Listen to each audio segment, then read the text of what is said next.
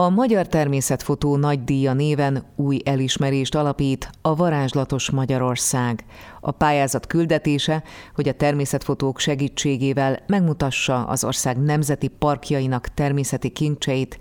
ezáltal felhívja a figyelmet a természetvédelem fontosságára. A fotósok kilenc hónapon át versenyeznek egymással, az év minden szakában kint vannak, fotóznak a természetben, majd munkáik legjavát mutatják be a szakmai zsűrinek, hogy ők kerülhessenek a fotós ranglista élére. A varázslatos Magyarország 12 évének történetében eddig három, ma már nemzetközi szinten is elismert fotósnak sikerült az első helyezést elérnie. Máté Bencének, Daróci Csabának és Potyó Imrének.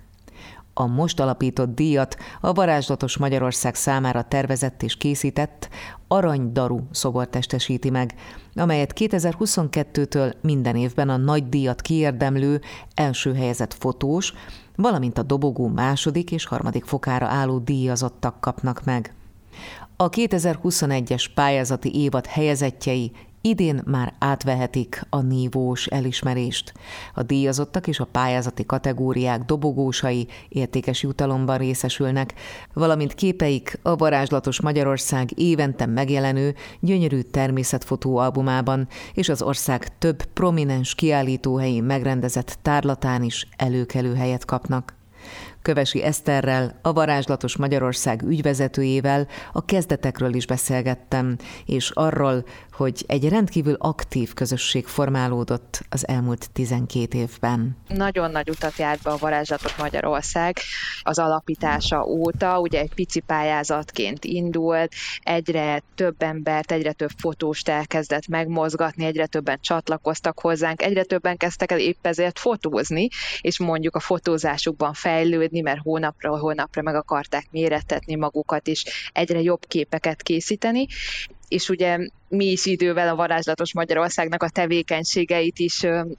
elkezdtük ugye kiterjeszteni, és a természetfotózás mellett aktívan a természetvédelemért is sokat tenni, és pontosan azt gondoltuk, hogy azok a fotósok, akik nálunk versenyeznek, úgymond a természetvédelemnek a hírnökei is, tehát hogy nagyon nagy munkát fektetnek abba és tesznek azért, hogy dokumentálják a természetvilágát, bemutassák azoknak az embereknek, akik kevésbé ismerik ezt, és ugye a fotósaink kilenc hónapon át versenyeznek minden pályázati évadban, kint vannak a természetben, hosszú órákat, napokat, akár heteket is várnak egy, egy jó témára, egy jó jelenetre, és azt gondoltuk, hogy az a fotós, illetve fotósok, akik ilyen kemény munkát és ilyen áldozatos munkát vállalnak mindezért, megérdemelnének egy, egy rangos elismerést. Egy olyan elismerést, ami valóban azt mutatja, hogy ő egy olyan fotós, aki nem csak egyszer kiment így egy hétvégi kiránduláson, és sikerült egy jó képet elcsípnie, egy jó jelenetet elcsípnie, ő megismerte az állatok világát, a természet világát, és, és megdolgozott ezért a díjért, és kiérdemelt egy, egy rangos elismerést, úgyhogy azon tanakodtunk már egy jó ideje, hogy mi lenne az a díj, ami megillethetne, ami tényleg méltó lenne ezeknek a fotósoknak az elismerésére,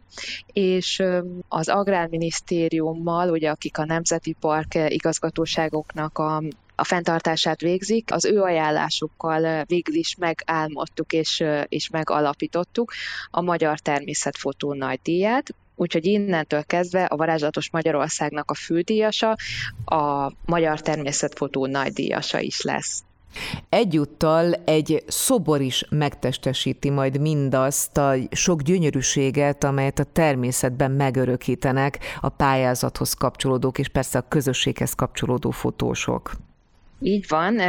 a díjnak a megtestesülése az egy szobor lesz, méghozzá az aranydaru szobor. Ugye a varázslatos Magyarországnak a logója egy, egy repülő daru, ami mondhatjuk, hogy Magyarország szimbóluma is lehet, hiszen a daru vonulás is ugye egy nagyon-nagyon fontos természeti jelenség Magyarországon őszenként. Ezt a madarat szerettük volna szobor formájába önteni. Amit most még elárulhatok, hogy még nem létezik, azonban már a szobrász kezei alatt formálódik, úgyhogy mi is nagyon izgatottan várjuk a, a végeredményt, és a márciusi díjátadón már ezt a szobrot tudjuk átadni a nagy díjasnak, illetve ami jó hír, hogy a második, harmadik helyezés is fog kapni egy picikét más formában megjelenő szobrot, de ők is boldog tulajdonosai lesznek. A felvezetőben említettem, hogy a Varázslatos Magyarország már 12 éve szervezi ezt a különleges közösséget, de meg kell említeni, hogy három éve létezik már a Varázslatos Magyarország fotós és természetvédelmi magazin is. Ahogy ugye említettem, igyekszünk aktívan is tenni a természetvédelemért, és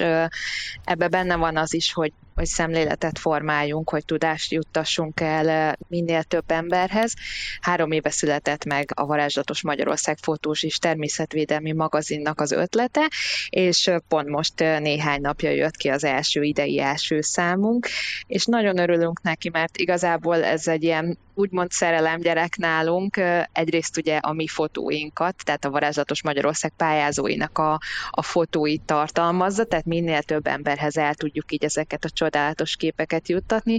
másrészt pedig a természetvédelem, a természettudomány és a természetfotózás világából olyan témákat hozunk, olyan szakértőktől, ami nagyon-nagyon fontos lehet bárki számára, hogy megértse azt, hogy hogyan működik a természetvilága, hogyan tudunk mi értetenni, milyen szerepet vállalunk benne. Úgyhogy azt gondoljuk, hogy ennek a magazinnak is nagyon fontos küldetése van. Kövesi Eszterrel, a Varázslatos Magyarország ügyvezetőjével beszélgettem annak okán, hogy a Varázslatos Magyarország a Magyar Természetfotó Nagydíja néven új elismerést alapít.